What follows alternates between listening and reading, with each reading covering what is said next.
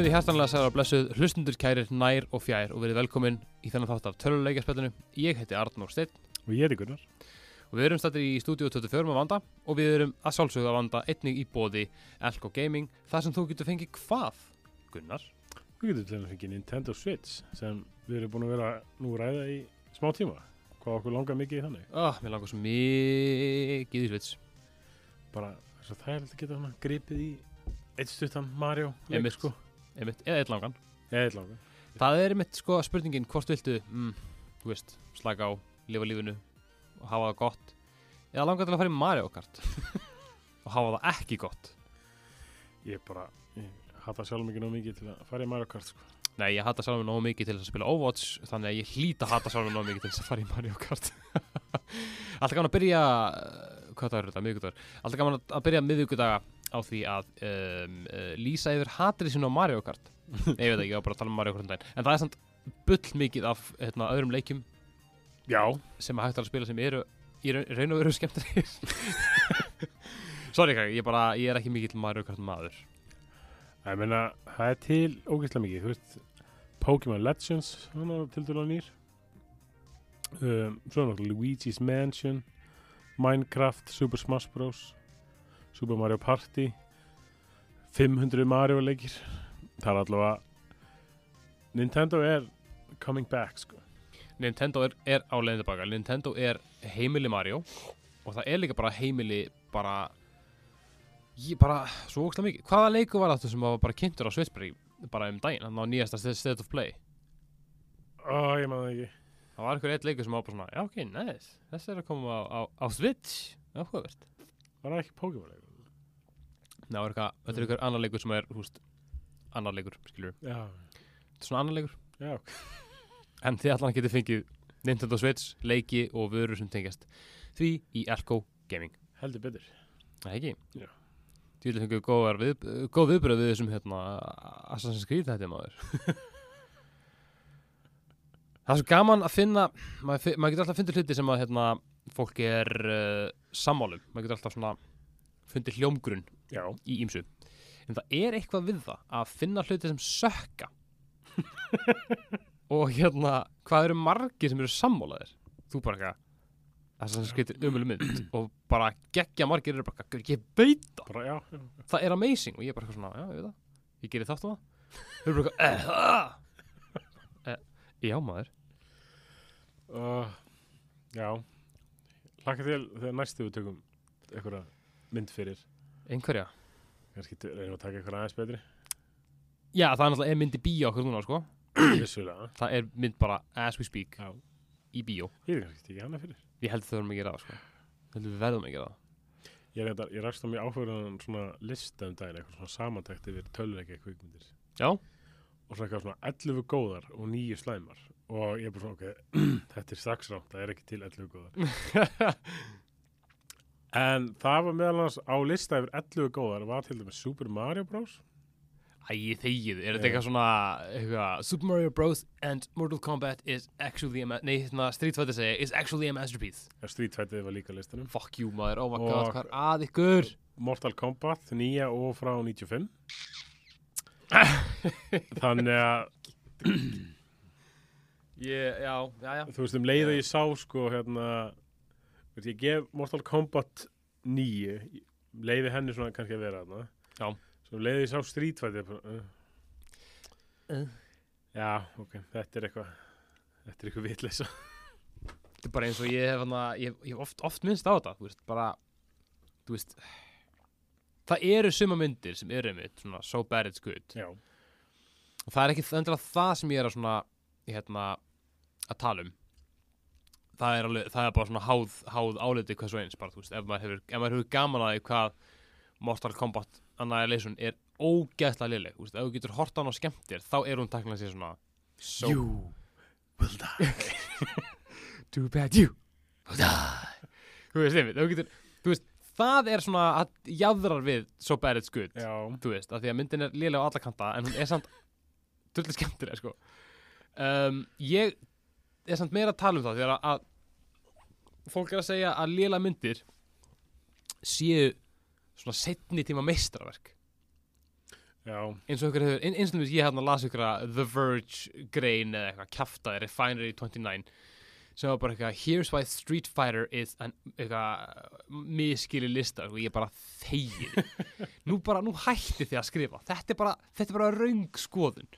Þú veist, Street Fighter er bara ekkert góð kvikmynd þú veist, jújú, jú, hún er alveg skemmtilega léleg en hún er ekki undir neinu kringustæðum eitthvað svona, nei, nei, nei, þið bara skilja hann ekki. Jean-Claude Van Damme út úr kókaður bara í bullinu.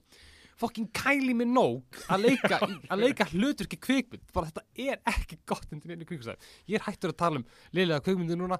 Er eitthvað annað sem, skemmtilegt sem gerist í vikunni? um, ekki, ja, það er bara búið að snjóa ógeðslega mikið. Það er bara snöða svo fokkin mikið. Þetta er, er tímalaust að svolsögðu, Þetta fólk getur hlusta á podcast hvernig sem er. Já, En- það er líka bara klassist fyrir núna er byrjun februar Já. Mér finnst þeim að þetta gerð ár eftir ár eftir ár að það bara svona snjói ekkert í november eða desember og svo komið bara einhver komið allur snjóri sem hefði átt að koma. Bara einu? Já. og fyrir þú veist hva, hvað er langt síðan að þetta rauða viðvörunum var? Bara, bara, bara heimsendurinn á leiðinu var, það- var það mánudaginn síðustu viku? Já, bara svona rúm vika síðan eða eitthvað. Það var eins og fyndið þegar það var bara eitthvað bara, repent, the end is nigh. Þú veist, greina við.is bara repent, the end is nigh. Og svo kemur út og maður er svona, ok, þetta er ekki, þetta er ekki það slæmt. Þú veist, ég get labbað í þessu. Já, meni, ég, þú veist, ég vaknaði eitthvað einu sinni nóttinu við bara svona eitthvað fyrir út af hmm. Vá. Ég bjóst við í þetta, þú veist, taka, þú veist, grillið og eitthvað svona inn nákvæmlega. svölunum og eitthvað svona, en þetta var nú ekkit, þetta var minni hátar. Svo þú veist, tveim dögum síðar þá kemur þá kemur vondaveður sko. Já, þú veist, þá var engin, ok, það var guluður þá kom svona eitthvað snjór, þá, kom, þá komst þið ekki út sko. Já, einmitt, Nún í morgun þá var me me meiri snjór en ég hef nokkuð með séð sko. Já, þú veist, þá opnaði ég dyrnar hjá tengdafórðum mínum af því að það, ég, ég, ég býð þar ekkert núna og ég var bara, ég var bara, ég var bara, wow. Ég sagði bara, wow. Skilur, já, ég meni, ég festi í bílinn í morgun, sko. einmitt. Ja, þú veist, ég, ég festi hann ekki, hann var bara fastur þegar ég kom að hann, sko. já, já, já, já, Bara svona, Já. þú veist, 40 cm snjó bak við hann og ég þurfti svona að taka svona, keira, keira áfram og svo bakka, og svo keira áfram og svo bakka alltaf svona aðeins að njörfa hann niður. Við, af hverju af hverju búið þetta? Hvað hva, hva er að okkur? Veistu hvað er heitt á nýja sem þú núna? Nei. Ég vil ekki svo segja það því ég veit það ekki, en ég veit, að, ég, ég veit bara að það mjög heitt ég veit að það er heitar en hérna, Ok. eins og veit En hvað ætlaðu að tala um í dag? Hefðu, í dag er það hérna, þáttur tvö. Tæknilega séð þrjú en samt fjögur. Af umfjöllunum töluleikja spjálsins um töluleiki fyrirtæki Já. merkilegt nokk, ég ætla að gera einhvern brandar á hana þegar við vorum að tala svo mikið um Swi- Switch í hérna.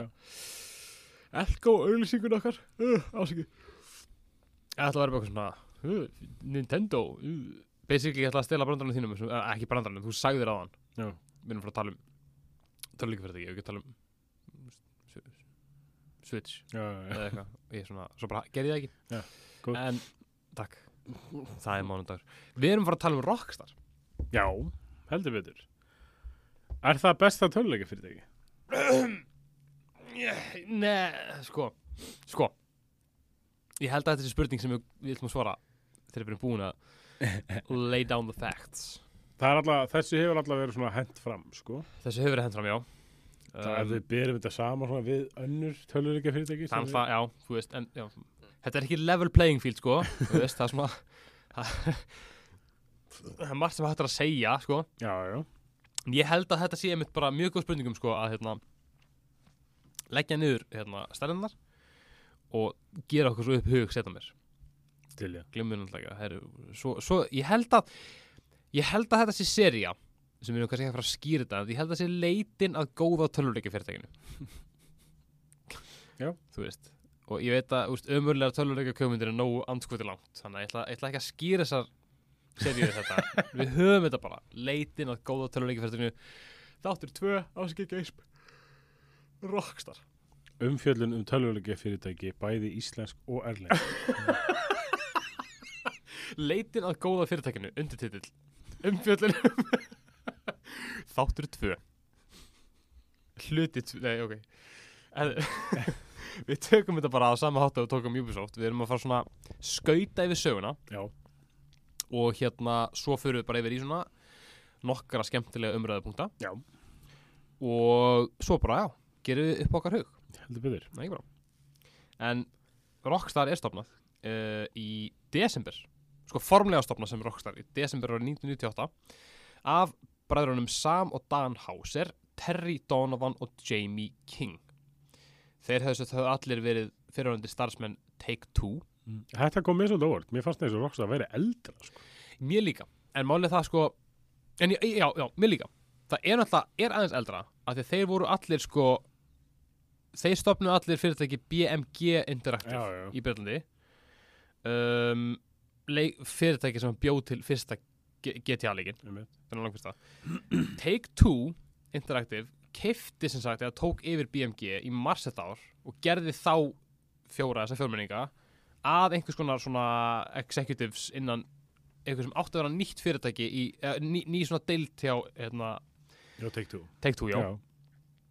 og svo bara breytist formið á þann hátt að Take-Two stopnaði Rockstar sem undir titil hjá sér sem átti að gefa út svona high-end efni það var basically það, það er basically bara í mjög stundum máli sagan á bakvið bakvið Rockstar. Þar að segja þessu svona fyrstu, fyrstu Þannig að þetta er bara búið að vera eitthvað svona endurskipulagning í starfi, basically. Án jokes, eiginlega sko. En, veist, já, Það er bara svona, er þessi ekki? Þú ert nú komin hérna í nýja deild. Já. Án Right. Þetta er- steikt þetta er svona. Þeir sem sagt hérna þegar að uh, Take-Two kaupir hérna, BMG þá flytja þessir fyrrnem, fyrrnemdu fjórmenningar til hérna, nýju jórvíkur voru uppálega stæðsittir náttúrulega í, í Breitlandi Nýja, nýja jórvíkjá já, nýja jórvík maður. Og þeir náttúrulega, þú veist, þeir eru ráðinir þarna á, á ákveðnu reppi gerða þarna GTA, kannski fyrir maður spytur yfir GTA eftir. Já. en fyrst er sett upprunalegi efni frá þeim kemur út 99 þess að fara Rockstar um, var unnið að fyrirtekinu Rockstar Canada sem hétt uppálega ykkur annað. Og það var basically bara aukapakki fyrir GTA um, Ég elska það, svona fyrsta svona original efni já, síðan DLC bara. Sem bara er fucking hilarious. Þetta er sagt uh, aukapakki sem heitir London 1969 og svo næsta, svo sama ár kemur út annar aukapakki sem er bara London 1961 bara basically fleiri borð. Uh, Þá svo í oktober sama ár þá kom fyrsti stóri leikurinn út. Grand Theft Auto 2 og það var brautriðandi leikur þetta sem notaði mikið svona live action stuff fyrir cutscenes kynningu. Já þeir hérna, þetta var basically bara gerðu, gerðu svona stuttmynd einhvern veginn með þessu, stuttmyndir. Já, sem var mjög cool sko. Já. ég man eftir þessum þegar ég var að spila GTA 2 með þetta frenda mínum á PlayStation 1 hans án minnisköps þannig að ég man mjög vel eftir þessari eftir þessari stuttmynd sem ég spilaði í byrjuninni sko. Því við horfðum svo oft á hana. Það en hérna að þessum tíma fyrir sett í gang svo önnur seria sem er að vegum Rockstar sem heitir Midnight Club. Ég kannast eitthvað við þetta nafn. Já ég man ekki eftir að spila þessu leikin ég man eftir að sé þetta. Ég bátti að sé diskin í þú veist eh, Elko eða, eða BT eða eitthvað ég kannan bara ah, Elsku BT maður. Krakkar, þið sem eru að hlusta hérna veist, áður, en þið fættust, þá eru Arnur og Gunnar að valsa um í BT þá var mús, þá BT músin. Þú veist, þetta var crazy time svo bara brann BT bara til grunna. Já, þeir voru með við vorum með orkudrykki sem heit bomba. Já, auðvitað, það var drikkurinn sem ég var að tala um þarna fyrir ykkur um þáttum síðan sem var bara ólulegur ekki, ekki alltaf börnum eða eitthvað svona. Já, þú veist, þarna í flaskan var eins og handstengja já, eins og handsprengja og þú veist, átveist, þú tókst tappana af Já. og var þetta vegna að þetta var svona ringur Já. svona? Þetta bara, þetta var svo fyndið sko. BT maður. BT músin maður. Það var, þetta var crazy, crazy times. En þannig að við erum farin að sjá svona hvað, hvers rockstar voru megnuðir. Þeir voru náttúrulega að gefa, út GTA 2 GTA 2 Já. náttúrulega var talsvægt stærri og betri heldur en GTA hérna 1 Já, og henda svo bara í gang bara öðrum annarri serju Mm. Midnight Club. Já. Og aðra leikir á þessum tíma mm, tja, tveir Austin Powers leikir á Gameboy vissi ekki að það hefði komið Austin Powers Nei, ég er bara að skoða hana lista yfir leiki sem að Rockstar hefur gefið út Já.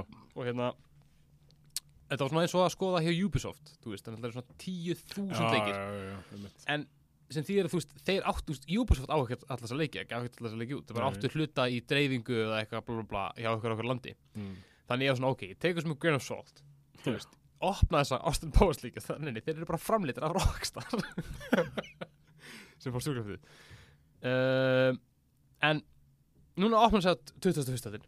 Já, og hérna getum við sagt að Rockstar hafi bara algjörlega komast á kortið með útgáfu á GTA 3 Damn.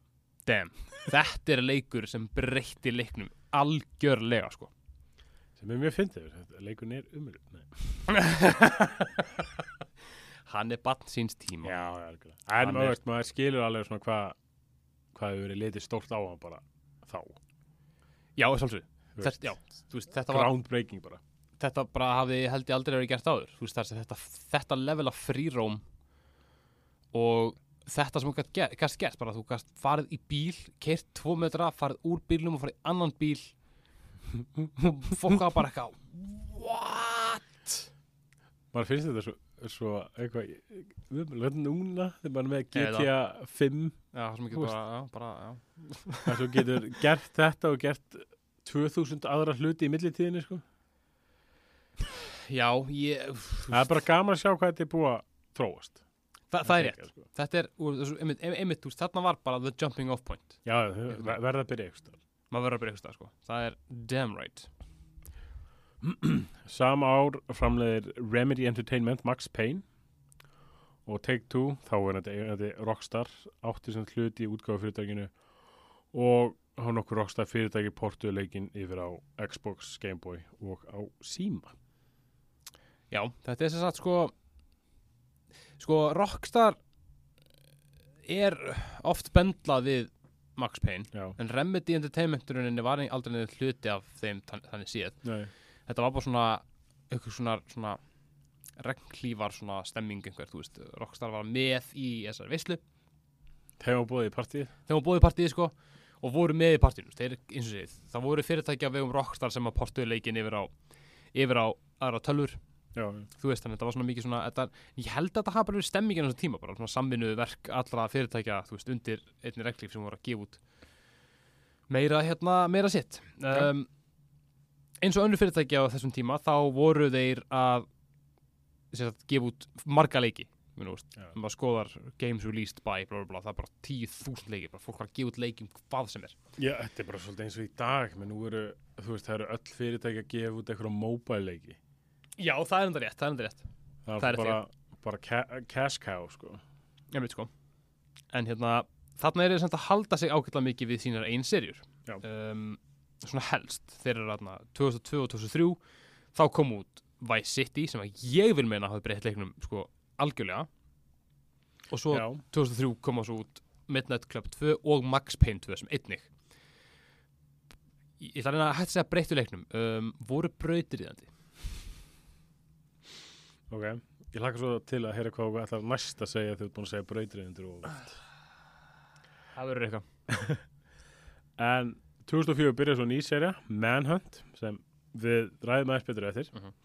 Og fyrir hennari annara serju, lítill leikur sem heitir Red Dead Revolver. já, Þú veist, var svona, hvað maður að segja, stökkpallinu fyrir Red Dead Redemption. mikill stökkpallur Já. Og ég veit, já, ég, ég, ég, múst, hafðu þú spilað hann? Ég prófaði hann, Já. þetta er þetta að skelvilegt að prófa hann eitthvað núna. Eftir, þegar sko, því ég prófaði hann, sko, þá var ég búin að spila, ég hef bara búin að spila fyrri leiki, sko. Ég hef virkulega prófað, sko, Red Dead Revolver, virkulega eitthvað í kringum 2010, 2011 eða eitthvað Mm. þannig, sko. Meina, þá er hann orðin 6-8 ára. Einmitt. Það er, það er bara horfiður, sko. Já, ég trú því Man hins vegar eftir einum öðrum leik frá Rockstar Ja. sem hétt Gun ekki. Já, það sko, ég mann trónum já það ekki Já, ég veist Hef ég spilað hann? M- Mann það ekki? nú fæ ég náttúrulega bara hérna þegar ég leita á Gun þá fæ ég bara myndir af skambisum og eitthvað linkurinn á Target í bandreikan já, sem Gun kemur út 2005 Já. og er bara, þú veist, kúrika leikur sko Mm. nei, heyrðu af hverju fannst mér eins og Rockstar Já, ég mynd, myndi ekki eftir að sé það á svo lista sko ég hef bara verið að hugsa of mikið um Red Dead Redemption þegar ég spila eða Red Dead Revolver sko. Pott ég sko ég, En eins og ég, ég er samt alveg mann þessu leik En ég myndi svona, hann var ekki rockstar En hvað fyrir þetta ekki að gera hann leik? Activision Það var Activision. Já, Við erum búin til það sko. En, já, veist, fram, sem, hann að vera Neversoft og Rebellion. Ah, Neversoft. Eldgamla. Já, það var hann með ógeðslega Já, með ógæslega já Tony, Tony Hawk Tony Hawk maður. Guitar Hero Auga fucking Nasty. Ég, beri, ég bara byrðist innilega afsökun á þessu. Já, bara, þú bara Þú bara, já, skammast þín. Gera Sama ár og Manhunt og Red Dead Revolver kom út Þá var náttúrulega að sjálfsögðu fokast allt upp Þegar San Andreas kemur út. Svona að segja það bara, damn hérna breytti sagði þér ykkur? Herri, fyrir bara við í næstu hluta Nei, ég sagði alveg, veist, pæltum því hvað þetta er geggja line-up á leikjum. Þú veist, já, þú veist með GTA 3, Vice City uh, hérna, uh, Manhunt þú veist með Midnight Club 2 og Max Payne 2 og svo San Andreas. Mm. þú kappar ekkert af tímabil og betri hátheldur en bæði Þetta, líka sko. sig hvað þetta er stuttu tími eins og GTA Vice. City og GTA San Andreas. Þetta er rugl. Tvö ár og samt er alveg San Andreas er margfald stærri. Ég meina, pældi líka bara, það er eitt ára milli GTA 3 og Vice City já, og þar líður mér eins og sé bara algjörlega stjarnfræðilegu munur. Já. Sem er, þú veist, bara alveg bara fárlega sko.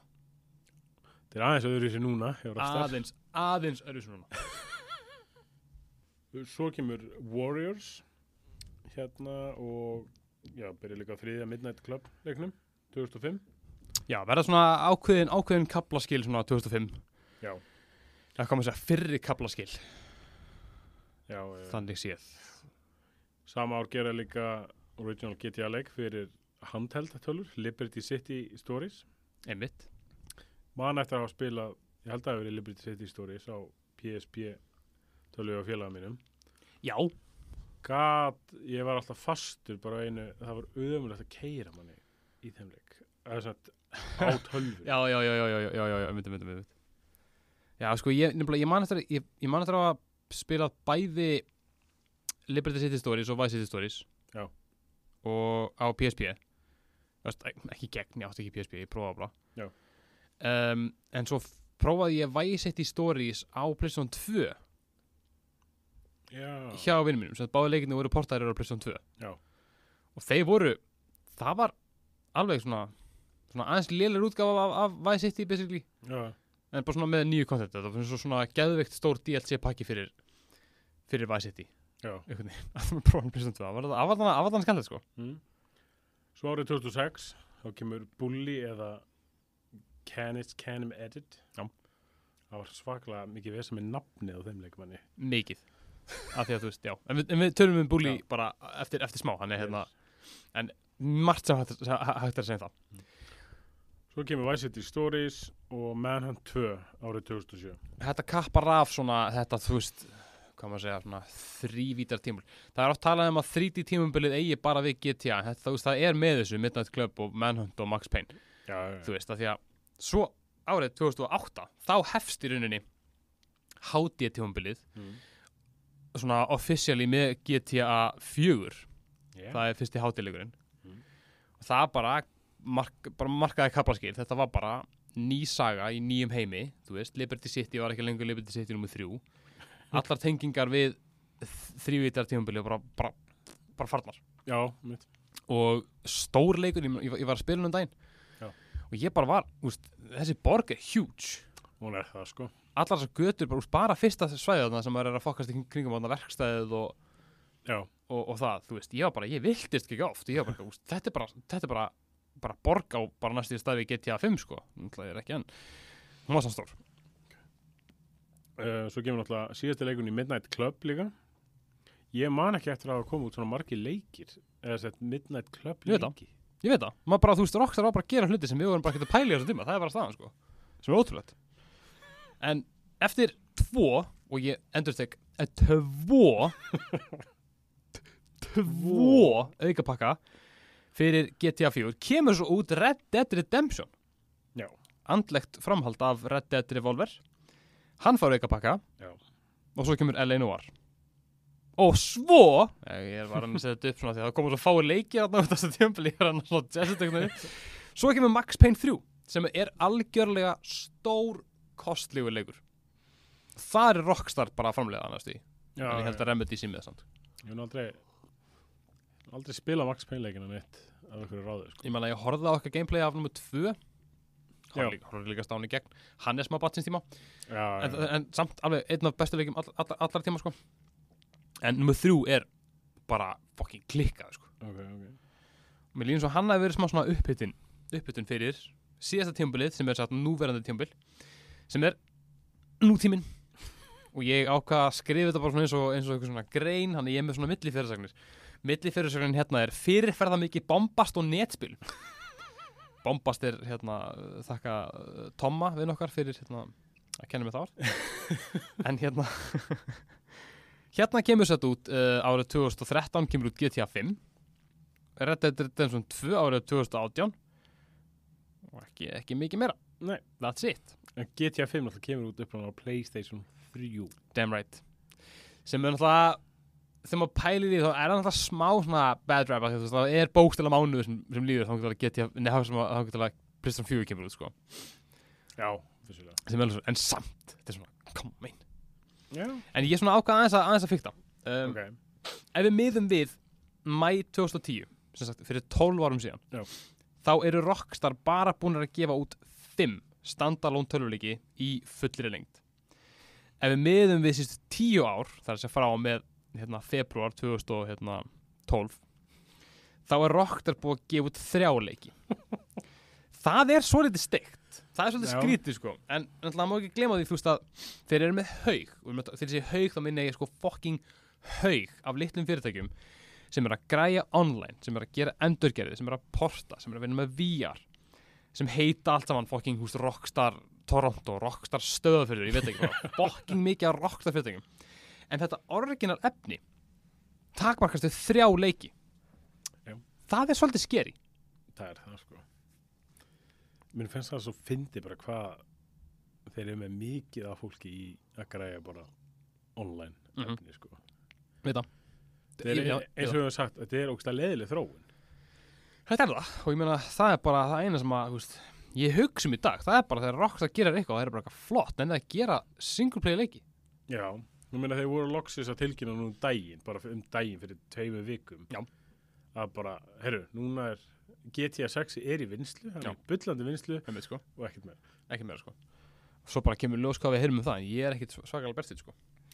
Hann kemur út 2027 sem við erum Sennilega. heppin. Sennilega.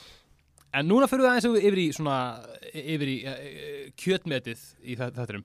Já, þegar við erum búin að þylja upp þylja upp hérna uh, dagstæðningar og stærndir já. Uh, Það er auðvitað búið að vera rosalega mikið tölvuleikja bánsanum sérstaklega núna síðastlega ár varðandi hva, bara áreiti í rauninni. Já, óæskilega hegðun innan vinnustæðar og vissulega lítið af því hjá Rockstar sem að fann. Já. ólíkt svona öðrum fyrirtæk mm, mm, mm.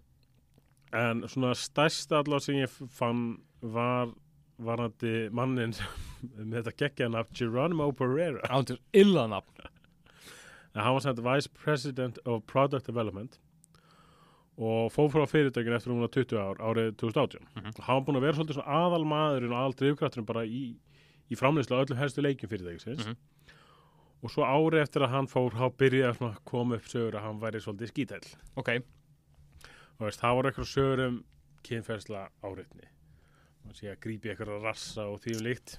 Ok. Og veist, það er ekki bara eitthvað svona áreiti, það er líka bara svona toxic og slæmu staður til að vinna á vegna að hann var bara þekktur fyrir það að bara vera skapstór.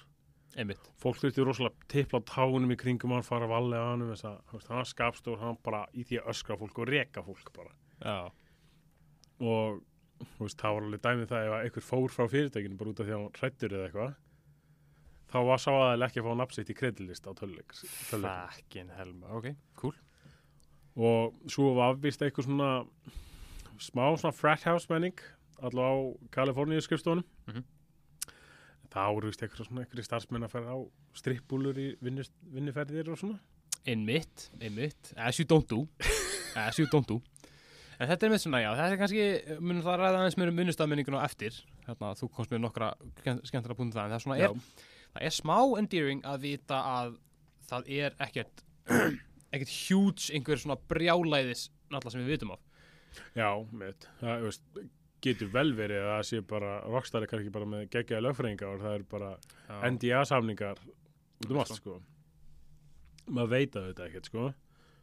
Allavega ekkert ekkert á skalanu við Activision Blizzard eða Ubisoft sem að, maður fann í fljótu bræði, sko. Nei, en Rockstar eru þetta búið að vera sko viðlið controversy bara frá því að Rockstar varð Rockstar. Það er rétt. Þetta er svona, já, bara þetta logo, þetta nafn þetta er bara, þetta er bara umdeilt Já, dæmi. Og þú veist maður skil svolítið af hverju sko. Já, já, þess að eins og bara uh, þú ert um hot coffee það sem söður Aldrei spilað það, en ég hef heyrt um það já, einmitt, ég, hérna, ég hafði nú ekki hugmynd um þetta fyrir, fyrir bara nokkrum árum sko. Já, veist, ég hef aldrei, ég, ég, hef aldrei spilað það, sko. Aldrei. En þetta byrjaði sem, sem eitthvað svona inside joke milli hönnuða sem þetta minigame í San Andreas sem þú komst ekki í með hefðbundnum leiðum. Og í þessum minigame þá þurfti spilaðan sem sagt að stýra CJ í simulatiðu kynlífi með einni, einni af kæristunum sínum og ít á takkana í takt við mjadmaþrykkina á sama hátt og þegar maður er í, hérna, í rættinni og er að, hérna, til þess að lifta Já. Það er einhvern meter sem er eitthvað orgasm meter eða eitthvað. Excitement þetta- ég, excitement, já. Ég hérna fór á YouTube í gær og skoða þetta sko, og þetta er svo þetta er svo fyrirlegt sko. þetta er hilarious. Þetta er ógeðsla fyndið, sko en það, sko, þetta mál þetta sko leiddi af sér svo mikið það var Já. einhver rannsók sko, ESRB fór að rannsaka Rockstar uh, San Andreas fór úr mature yfir í adults only rating eini Rockstar leikur, eða GTA leikur sem hefur gert það Rockstar gaf svo út clean útgáfa af leiknum þar sem já. búin að henda þessu út úr source code- kóðanum Einmitt. Og fengur sem mature einhvern veginn aftur en þú veist, þeir voru fyrst eitthvað, að þetta voru eitthvað hakkarar maður. Damn hackers. En svo svona, æ, nei, hér þetta var þetta var í uppröðulega leiknum sem við shipuðum út. Æ, ok, ok, þetta var eitthvað smá glens hjá stákunum á skrifstofunni. Fair enough, fair enough, það bara djók en þú veist, þetta vatt alveg upp á sem meira og hérna varði alveg til þess að það fór var hérna, hvað heitir þetta, bill í bandarska þinginu? bara frumvarp. Frumvarp í bandarska þinginu sem heitir Family Entertainment Protection Act. Já, sem Hillary Clinton og aðri komið að sko. Það svo sögur og þetta fór reyndar aldrei gegn sko. Nei.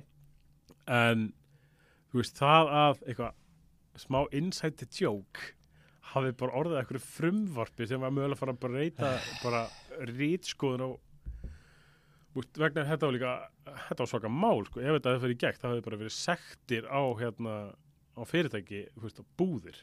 Best Buy hefði fengið sekt að þið selja einhverjum undir átján. Nei, svoleiðis. Þetta var alveg Damn.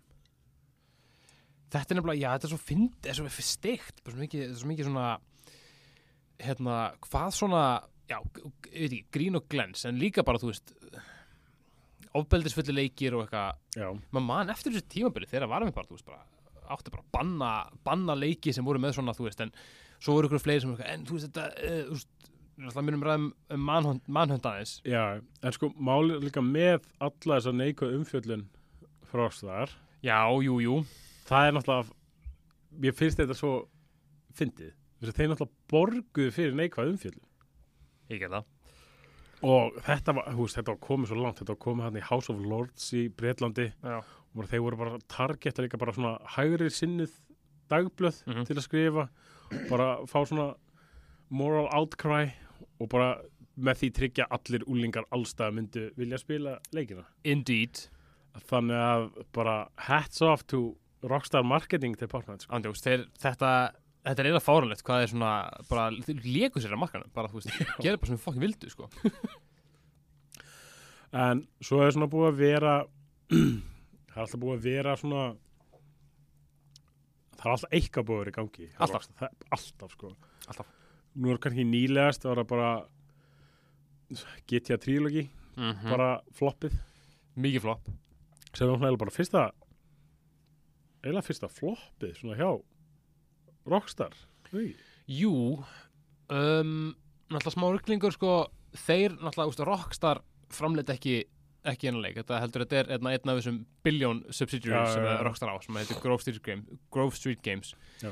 sem man ekki hétt á undan, ég var að reyna var að að setja saman þessu ógsta mörg fyrirtæki sem er búin að hluta Rockstar sko svona eins og Ubisoft. Já, hann djóks, en að Grove Street Games hét eitthvað áður en að varð Grove Street Games en var samt hluti á Rockstar já, já. En þetta er samt rétt sko, þetta er svona, þú veist, þeir eru að gefa þetta út. Já. Þetta eru þeirra leikir, þetta eru þeirra IP. Og maður svona, hver gutt er það þetta? Hver gutt er það að gefa leikina út í þessu ástandum? Ég spilaði það á launch, ég spilaði í regningunni í GTA 3. Og ég sá ekki jack shit, sko. Ég sá ekki neitt. Bara í gær var ég að prófa Vice City og hann er búin að vera fín, bara gæðnur er góð. Svo var ég bara að keira og bara kemur ykkur leigubíl bara, þú veist, tveim metrum bara loftið og bara hvað, fljúandi. Ég bara, what the fuck? þetta var svo mikið svona eins og bara vegna þess að við erum ekki búin að fá neitt senst árin nefnum bara Nei. GTA 5 á Mhm. 7000 mismöndi plattformum Uh -huh. Red Dead 2 senast fyrir fjórum árum svo er það bara online efni og fólk er bara búið að vera bara hvað er GTA 6? Já. hvað er eitthvað meira? Hvað er eitthvað? Hvað er, hvað er single player hérna, hérna, DLC í GTA 5? Hvað er single player? Má ég spila sem, hérna, sem Sadie í, í, í Red Dead Redemption? Já. Eitthvað. og þeir bara, við erum að gefa út Definitive Edition og Maður bara, ok, ok, það er eitthvað ok, þú veist, þeir eru að, rétt okkur Olive Branch. Já En- Held og ég. k- kveikja svo í Já, svo bara kveikjar inn og svona löðrunga þig, þú veist, í leiðinni. Þetta er svona, þetta er svo fyndið eitthvað. En svo já, GTA 5 auðvitað búin að vera á hvað er þetta orðni margir plattform? Ég man það ekki. Þetta eru þrjár Playstation kynnslóðir Mm Tvær Xbox kynnslóðir. Nei, þrjár. Já. Sorry, þrjár. og veist þetta er fucking, þetta er að vera tíu ára gammal leikur Mhm. Veit það. Og þú veist, þú þarft að borga held ég alveg örgulega fyrir Playstation 5 uppfæsluna. Já, já, já. Samsöðu. Enhanced Edition held ég eins og þetta heitir sko Þú verður að fá haptic feedback, maður.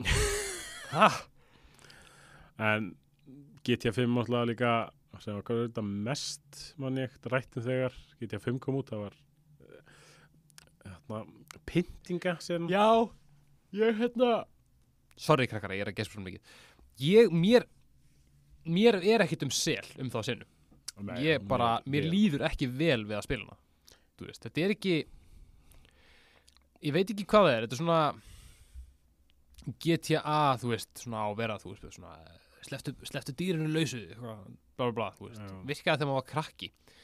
Núna, þetta er bara of mikið Já, þetta er líka alveg, þú veist, eitthvað svona þetta pinta hann á 5 minúti vegu og svo keirir hann á flugvöldum og hann dettir niður eitthvað stiga og er að öllu líkið bara döið Já, einmitt, það er bara It's not great. Já, þetta er ekki bara svo að þú ert búin svona þú, veist, þú ert bóstæðlega bara búin að vera að láta hann líða illa núna í, Mhm. jú, ég veit, þetta er tölvu Já, En- já, þú, þetta er svo eitthvað svo þetta er orðið eitthvað svo mikið þegar þú ert búin að vera að pinta hann í 20 mínútur. Mhm. Og hérna og svo ferðið þú bara og skilur hann eftir bara basically dauðan bara á flugvöldunum Já, annað þú skýtur eitthvað í hausin Já, þess að þú ert ekki búin að vera að pinta hann í 20 Nei, mínútur Já. um, ef kannski að detti manhunt? Tölum við þessum mennhund Þetta er, það er einmitt sko mm, það er bara the controversy. Eiginlega sko. Þetta er einmitt svona ástæðan fyrir því að maður svona skilur miklu leiti svona þegar að þegar lawmakers horfa á tölvuleik og skil ekki neitt og eru bara þetta er bara, þú veist, hérna er bara að búa til fjöldamóðinga já, og maður getur svona eiginlega ekki verið ósamlega Já. af því að mennhund er sko já, menna þú ert bara, bara að reyna að drepa bara og ekki ábyldu svona hátt. Já eins ofbeldisfullan hátt og þú bara getur að þú fær meiri stig fyrir það. Mm og manhunt eitt var til að bara bendla við morð á breskun dreng 2004 en morðingin átti að hafa verið obsessed með manhunt drap hennar strák með hníf og hamar eitthvað Mhm. eins og í leiknum og Rockstar var kært og húst, endurinn var svo sem liti á það að Rockstar væri ekki ábyrgt og leikurinn fann svo í herbyggi fórnarlamsins, ekki Já. morðingjans eins og fyrst var talað um sko Mhm. en þú veist þetta er ekkert fallegu leikur alls ekki sko og þú veist þessi umræð þú dúkast upp aftur þegar Manhunt 2 var að koma út sko og þú veist Manhunt er bannaður bara í þó nokkrum löndum. Já. þú veist, hann er bannaður eða bara án rating í þú veist Þískalandi, Írlandi, Malasi, Ástralíu, Suðu Kóri og fleiri löndum bara. ég veit sko, ég veit sko. Þannig að ég hef svo sem aldrei prófað Manhunt og ég get ekki satt með langi þess. Ekki ég heldur, þetta er einmitt svona einn af þessum leikjum, þú veist, einhvern veginn sem kemur út á tímbri, það sem að þú veist ég meina, eins og ég, bara hafði ekkert aðgang á þessu leik á þessum tíma, Nei, en þú veist, þetta er svona til svona að koma út, var þetta, var þetta statement, Já, var þetta þetta listræðin tjáning? Já, mjög er það að trúa því að þetta hafi verið eitthvað svona listræðin tjáning veist, en auðvitað náttúrulega, þetta var veist, þá var verið- að ít og taka. Já, þú veist, Rockstar var að, bara, var að prófa þólmörk og, og gá, bara gá hvað það kemst upp með. Mm. en það svolítið skrítið að vera, þú veist, vera tölvuleiki fyrirtæki sem er kert af fullundu fólki en ekki vera úlingur Já. úlingar prófa þólmörk, úlingar fara út úr í kassan og bre breytur þetta með þetta er svona, að ég veit ekki, þetta er svona já, mjög erfitt með að réttlæta þetta einhvern veginn já, að bókstala búa til serial killer, killer simulator Já, og svo er bara eitthvað, hvað, hvað, má, má ekkert Svo var auðvitað hérna eitt annað sko, svona, það er svona hitt kontroversið eða, svolítið með Rockstar. já, Það var Bully eða Canis Canem Edit. Mhm. Hann var til þess bannaður í Brasilíu þegar hann kom út og hérna var svo gefin út í Brasilíu 2016. þeir svona já, ok Við erum búin að, við erum búin að aðeins melda þetta, já, núna má hann koma út. já ó, ok Þú veist, eitthvað átt árum setna eða eitthvað svona. já, En það var sem talað um að hann bara glorifæja einelti Mhm. og væri svona Columbine Simulator sem ég þetta vera mjög sterk orð samt sko. já, það er alveg them's fighting words, sko Já, en fyrst, svo, mikið af þess að gaggrin kom þetta bara til áður en leikurinn kom út einmitt, sko þú veist, og í leiknum meina, eins og ef að þú leikurinn snýst um það að þú ert í skóla Já. þú þarfst að mæta í tíma er og þú færð þá einhverja skills eða einhver svona Já. vopn já, einmitt, einmitt já, þú, þú, þú veist, þú til dæmis ferði í hérna uh, efnafræði tíma Já. og það lærir að búa til stinkbombs og eitthvað en þú verður að mæta í tíma og læra og klára verkefni Já, einmitt, og meina, ef þú mætir ekki tíman þá bara er einhver ég held að þú sé bara eldur af hallguard Já. eða eitthvað.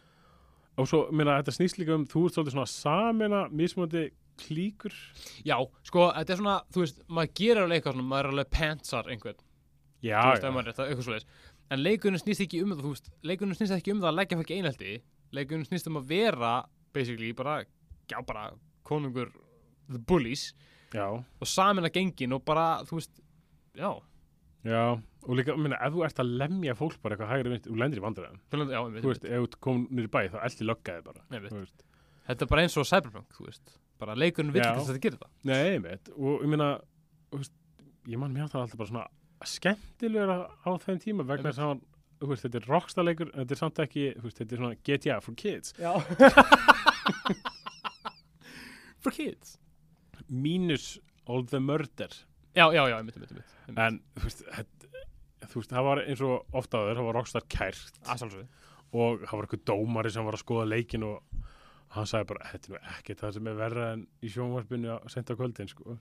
mér finnst þetta mjög fyndið því mér langar svo mikið, mikið að vera flug á vegg eða bara vera inn í herbygginu þegar eitthvað dómar er að spila Canis Canem Edit. Bara eitthvað, þetta er bara fýll leikur. Ég veit ekki hvað ég veit svo myndið en árum við förum við í næsta leik. Já. Veistu hvað Canis Canem Edit þýðir? ekki hugmynd, Þetta er latína. Auðvitað kann þú latínu. Ég er enda kann ekki latínu sko. ég get þóst kunna latínu. Ég get alveg, ég get alveg platað marga hverja. Já. veit kann latínu, hvað, hvað heldur þessi en Canis er hundur. Og þetta þýðir sér að dog eat dog. It's, it's a dog eat dog world. Já. þetta er bara latnænska heitið það. Sem mér finnst mjög, mjög áhugast af því að þú veist, skólinn heitir Bullworth Academy. Já. skólinn er svona frægir sig á því að vera svona hard, school Já, of hard knocks. bara heim, heimavistar svona boarding school já, school of hard knocks. Það er einum bara, þetta er bara dog eat dog world. Þú bara, þú veist, þá heldur ekki heldur þér ekki á móttinni, þá bara kemur stóra hundunum, hundunum borði, þannig að þú varst að vera stærri hundurinn. En mér er svo að þú talum aðeins nöfnin á honum. Já. áðan. þú veist, eins og ég þekki hann bara sem Canis Canem Edit. Ég líka náttúrulega, ég, þegar, þegar hann svo verið endurunlistu sem bully já, Mér myndi mér þetta að hann hafi bara heitið Canis Canem Edit Já. á, á Íslandi sko Já, ég held að alveg pottið sko Ég man ekki eftir honum sem búli, allan ekki á þessum tíma sko. Nei, mitt, saman ég En, já, svo, svo sem er það helst bara þetta crunch time culture, sem er svona kannski það svona mál sem hefur verið mest rætt um hjá Rockstar. Já. Þú veist crunch time hefur þetta bara fyllt töluleika bransanum eins og bara veist, mjólk fylgir serjur en árið sem 2010 þá skrifuð þó nokkra eiginkonu starfsmanna Rockstar San Diego bref Mhm. og það sem er bara útlínuðu mandatory eða bara hvað er mandatory áttur Íslandi? um, bara uh, sk skildu Já. uh, já. skildu bara 12 tíma vinnudaga Já. lélegan móral og bara pressuna sem fylgdi því að koma Red Dead Redemption 1 út og veist, þetta var svona umræða sem bara svona kom upp og svo bara svona dó niður. Einmitt, sko. en svo kom þetta aftur svona upp á borðið þegar Red Dead 2 var að koma út og einn af hásöldnum hvað, hva, Sam og og Dan. Sjá, talaði um að veist bara leikuna að koma út og bara starfsmennir að vinna hérna 100 tíma á viku sko. Og svo leiðrétt hann sig og sagði, nei, ja, nei, nei, þetta á bara við um sem sagt hérna svona senior level staff. Og þetta, þeir gerir þetta bara óumbeðinir og þetta smá svona ja, tala kannski aðeins að mér þarna. Já.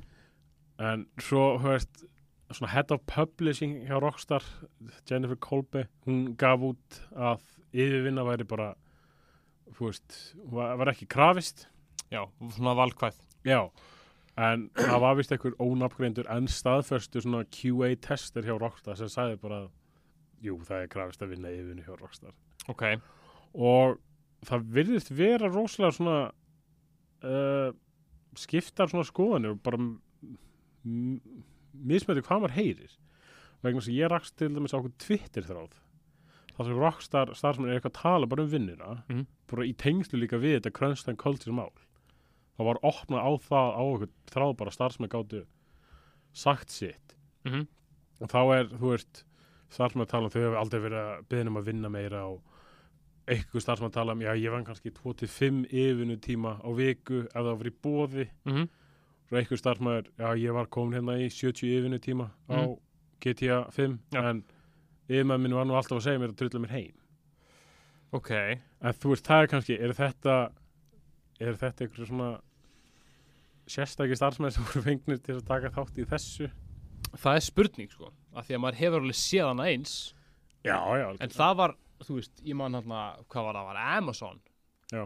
þú veist, síðan eftir að Amazon hótaði ykkur starfsmenn Amazon hótaði að hérna, stopna verkefælisfélag þá voru ykkur bottar, annarkur ykkur bottar eða þá umhytti bara ykkur svona ráðinir starfsmenn. Já, sér ráðinir starfsmenn, þannig að þeir eru allir starfsmenn ráðinir Mm. sér ráðinir starfsmenn sem fóru á Twitter voru bara eitthvað, I love working at Amazon eitthvað, I'm not on a union, it's great eitthvað, I can use the extra, bara, bara djóklust Hillary, sko.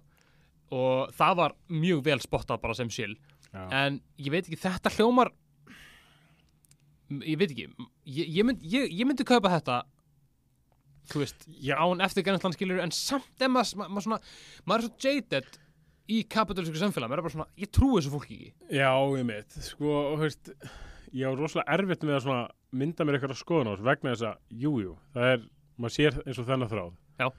Og sér þetta, Rockstar segir þetta, neini, þetta er allt valkvætt. emitt, emitt, emitt Og svo, og maður sér til dæmis að Rockstar er með eitthvað, þú veist, Rockstar er með eitthvað 4.3 í engun á glassdoor.com sem er svona atvinnuleitar síða. Já. Þú veist, það sem bara fólk getur verið að sækja um vinnu og skoða fyrirtæki, bara svona, svipa á LinkedIn, ég, svona, og bara sé hvað engun viðkomandi fyrirtæki er með, sko. Mhm. Þannig að maður heyrir bara svona góða hlutina, en svo heyrir maður, þú veist, að Rockstar er að segja þetta en starfsmenn sé að segja annað emitt og, veist, og starfsmenn eiga víst að hafa verið hrætti bara við að veist, fara í viðtöl og greina frá bara hræðslu við er að reknir eða kærðir Já. og kannski fólk segir að það sé ekki grafist að vinna yfir, yfirvinnu en það sé ætlast til þess að þú gerir það emitt og það verið vera svona eitthvað svona fear culture á hjárástar allavega einhverjum skrifstöðum sko mm -hmm. og bara starfsmenn virðist vera eitthvað hrættir við að segja segja sitt sko. Eins og ég sagði líka á bara ef fólk sem hefur sagt upp störfum áður en leikunni kemur út að fá ekki nafnsitt á kreidlistanum Já, það sem, sem, sem er náttúrulega alveg bara pathetic, sko. Já. Að kannski var það, kannski líka var þetta eitthvað meira með hennar Geronimo Barrera brjála nafn sko. Amazing. Já, um, þú veist. En þú veist, það er crunch time hjá öllum þessu tölvögja fyrirtæki það er rétt. Ég held svo sem að það sé þú veist mér finnst það alveg svo sem eðlilegt af vissu marki. Veist, ég maður þegar ég var í skólanum Já. þú veist, og við vorum að klára okkur verkefni. Ég, þú veist, ég átti stundum 16 tíma daga upp í skóla sko. það er rétt. Það var enginn sem báði mig um það. Ég mætti bara Einmitt, í mína sko. skildu tíma og svo kannski var ég bara lengur. Einmitt. Maður hefur líka bara upplifað bara þú veist í, bara í vinnu. Minna, maður er að maður er að klára framlösla á okkur eða maður er að gera eitthvað og maður er bara svona úst, ég, ég ætla ekki heima því ég ætla að klára þetta. Og það er enginn sem byggði um þetta þú Nei, veist, en ég, samt, ég skil alveg þú veist það að bara þú veist vera einmitt upp í, upp í vinnu langa heim en meiga það ekki. Bara þú Já. verður að klára þetta hérna sem það er ekki lægi það er mjög þú ef að einhvern tíman einhvern tíman, þú, kæra hlustandi, ert í vinnu það sem að þú ert að vinna lengur en þú átt að vera að gera og ert að gera eitthvað sem getur beðið og þú mátt ekki fara nú búið með það, farðu af því að þú ert ekki góðir vinnu ég get þetta af einn skinni, ég hef unnið 19 tíma vakt einu sinni, á þess að pæla í því af því ég bara var svo góð við yfirmannum minn. Þú veist, ég bara vildi gera, ég vildi gera vel og ég vildi klára mitt.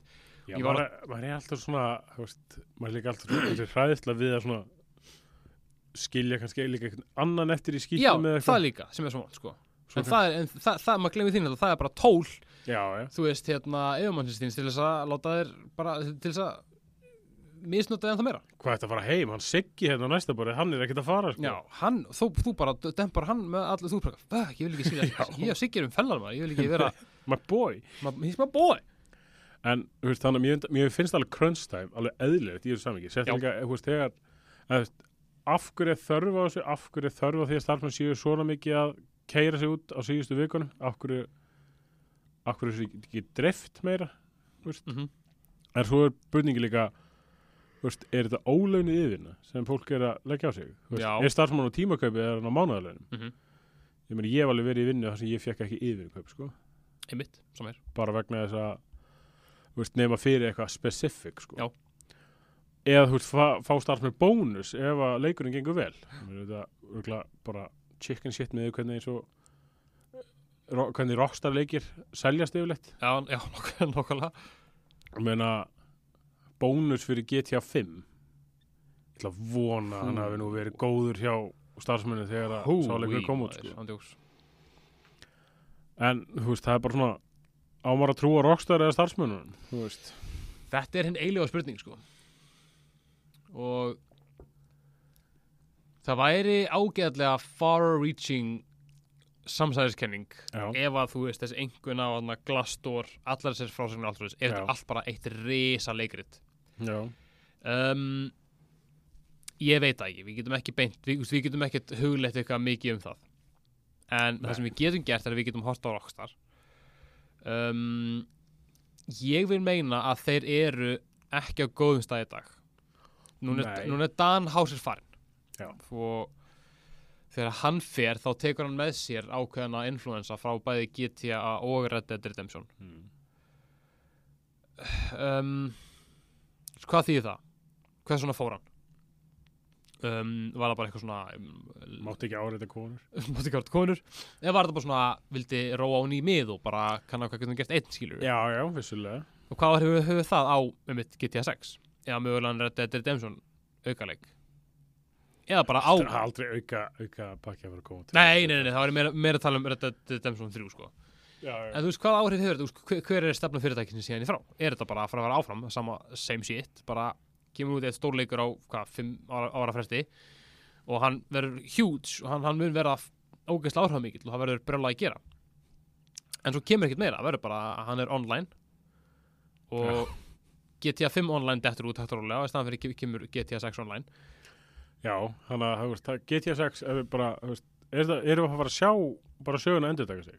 Erum við að fara að sjá bara GTA 6 kom út á næsta ári og svo kemur engin aukapakki eða neitt fyrir GTA 6 út í 10 ár, bara online efni.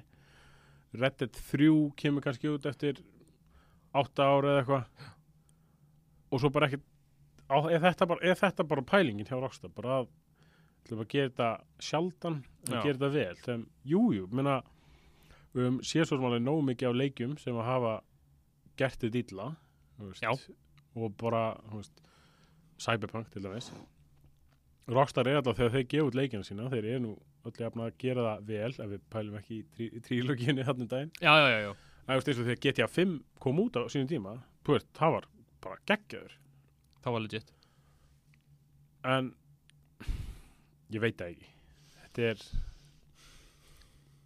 þetta er erfitt Þetta er erfitt. Það er mjög erfitt að að vera from the outside looking in, sko. já, algjörlega En erum við komið með nóg mikið af svörum til að, uh, nóg mikið af stærnum til að svara spurningunni? Er Rockstar besta fyrirtækið? Nei. Nei. ég vissi svo sem alltaf að við getum aldrei svarað þessu sko. Ég veit það, en ég ágæði samt að reyna að reyna að setja upp svona á hennan skemmtilega, skemmtilega hátt. ég held allavega að Rockstar sé allavega að mörguleiti betra en mörg tölvöki fyrirtæki Samanlá, við getum alveg verið þar, af því við höfum fjallað um tvö þeirra. já, og ég meina, þú veist allavega, ég fann allavega ekki mikið eitthvað af einhverju efni eitthvað um kynfæðis áreiti eða veist, crunch time eða þetta, mest kannski um þetta crunch time Já, sko. já, mitt er mitt. En það virti ekki verið eitthvað rosalegt mikið um eitthvað toxic vinnustæðamenningu eða kynfæðsla áreiti yfirmanna og þess að það sko. Ég mitt. það var aðalega hann Geronimo vinnur okkar. Eða óvinnur okkar. Þannig að Rockstar virðist alltaf að vera með veist, HR deildin þeirra, er- Þeirra mannusteldir í góðum málum. já. Þannig að en ég er alveg saman, ég held að Rockstar sé í smá svona brasi núna. Og ég ég hugsa fólk sé að vera þreytt á online sko á, í GTA 5 sko og bara ég held að single player spilur eins og við séu bara að býða eftir einhvernum fréttum um GTA 6 til þess að bara hafa eitthvað í höndunum í rauninni, bara fá eitthvað smá svona smjörþef sko Pretty much, sko. Pretty much. en til að ljúka þessu Já. hvað vilt þú sjá úr GTA 6? Ég vil sjá, já, bara saman og ég sagði um daginn, ég vil sjá Fortina, ég vil sjá Solid, bara annarkvært 80s og 90s leik, Já, ég vil sjá hann í Vice City. Gameplay-wise, ég veit ekki, ég myndi vilja, ég myndi ekki vilja, þú veist, roleplaying leik, Mm. en ég væri til í að fá svona, svona, já, skemmtilegt teika á svona roleplaying, svona hluti eins og GTA 5 komið. Já. Þú veist það er að segja, stat sem að mismundi karakterir með, já, ef þeir eru, með, ef þeir eru aftur með mismundi karakter að gera það kannski aðeins ólíkari þú veist það er að segja meira þú veist maður gaturinn þó að Trevor hafa verið góður að fljúa okkar blá blá þá svona voruð allir svona eða bara það var engin sérstakur mun það var enginn á- eftir þetta að vera munu sko Nei. þú veist þeir þurfi ekki að vera eitthvað power veist ef, það- ef, ef, ef þetta verður aftur svona þá fuck it sleppi bara hafa bara bara aftur eitt karakter Já. og gera þetta eins og bara svona eins og það var bara þú ert bara að taka yfir heila borg. Mm.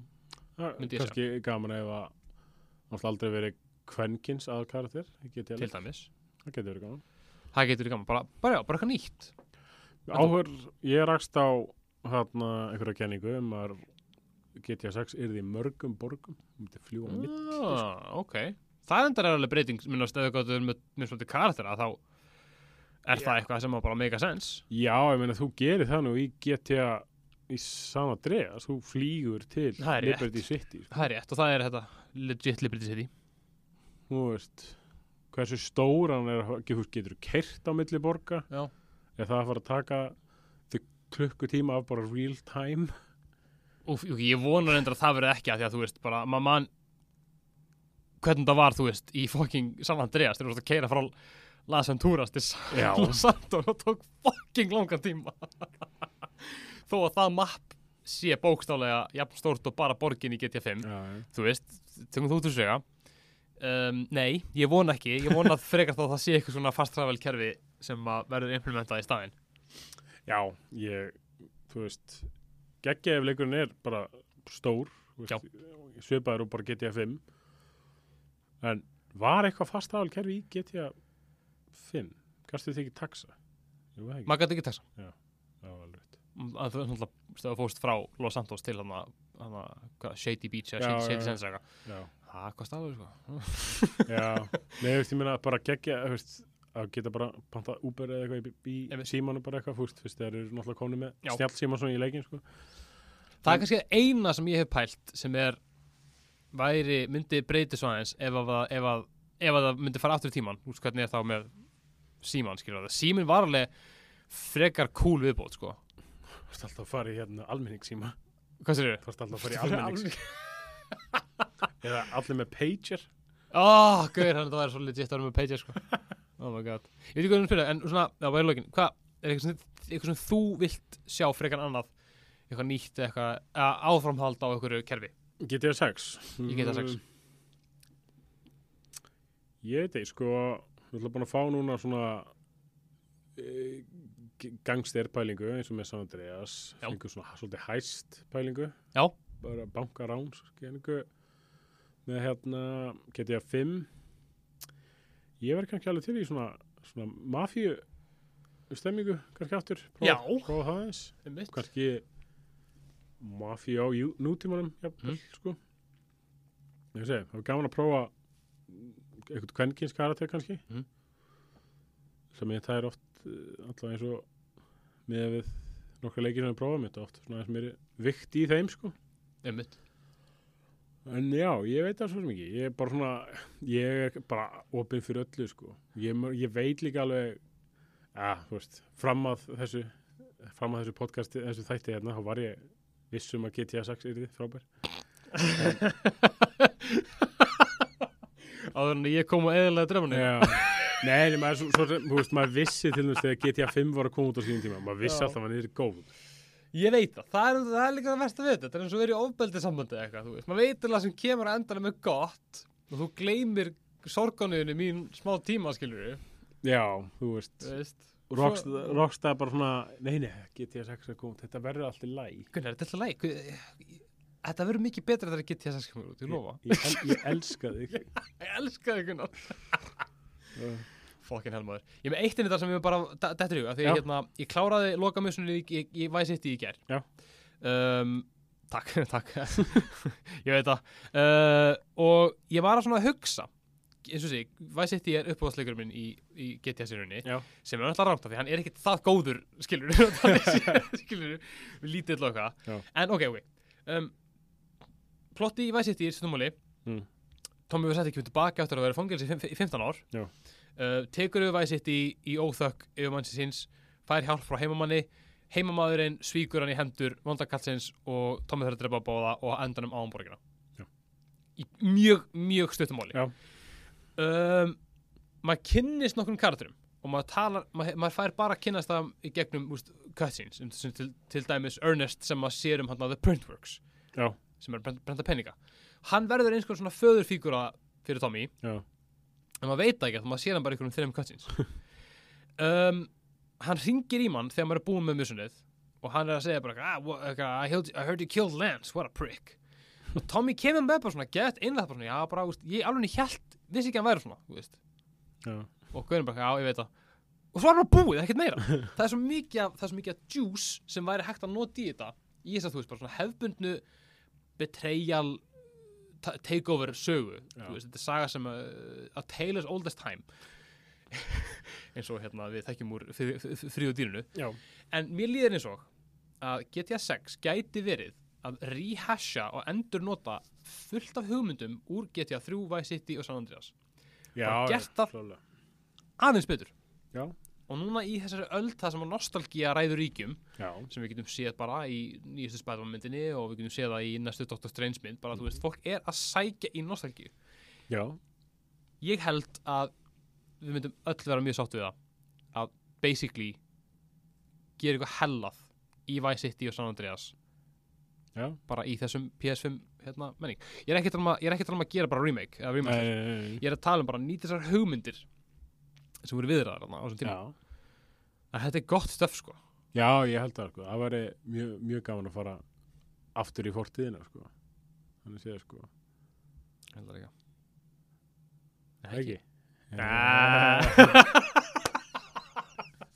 Á, ég elska þetta maður Herri, þetta var að gegja Já. Það hegi Jú. Hérna mm, hlustundum munu aldrei vita hvað gerast á baku tjöldinni þessu þetta, ef við kannski segjum aðeins hérna, setna mér en við klippum þetta bara vel saman en bara takk fyrir að hlusta og takk fyrir að hérna, já bara vonandi komum við með allar með nokkuð greiningu og lýsingu á Rockstar. Já, við erum alltaf ekki að fara að breyta neinum skoðunum um Rockstar hva, hva, hvað sem við gerum en ég menna við bara hvetjum ykkur til þess að kynna ykkur málið sjálf bara skoða hvað er í gangi skoðið hot coffee móti skoðið hot coffee móti hvernig, hvernig gæt maður að spila þetta í gamla þetta, mannstu það, það var eitthvað, þú þú gast það ekki á Playstation 2 en þú varst með original diskin eða eitthvað, uh, var þetta uppgöndast það þegar hann var, var portaður á PC Ég man það, þú gast ekkert en gert þetta á PlayStation 2 las ég sko. Mhm.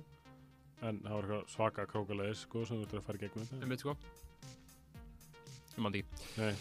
en takk fyrir að hlusta, endilega sendið á okkur ef að þið hafið eitthvað meira að segja um Rockstar eða eitthvað sem við glemdum að tala um, eitthvað sem við viljið eh, skerpa og hefur ykkur frekar minnast á Viljið að við tökum fyrir ykkur önnur tölvöggi fyrirtæki hendið á okkur? Og þú veist, endilega þú veist, ekki bara þú veist eins og við erum búin að gera, búin að tala Ubisoft og Rockstar er svona nokkurn veginn ástæðlega við tókum Rockstar af því að það var kynnt GTA 6 og hugsaum bara fullkomið tími til þess að tala um þá, að þau.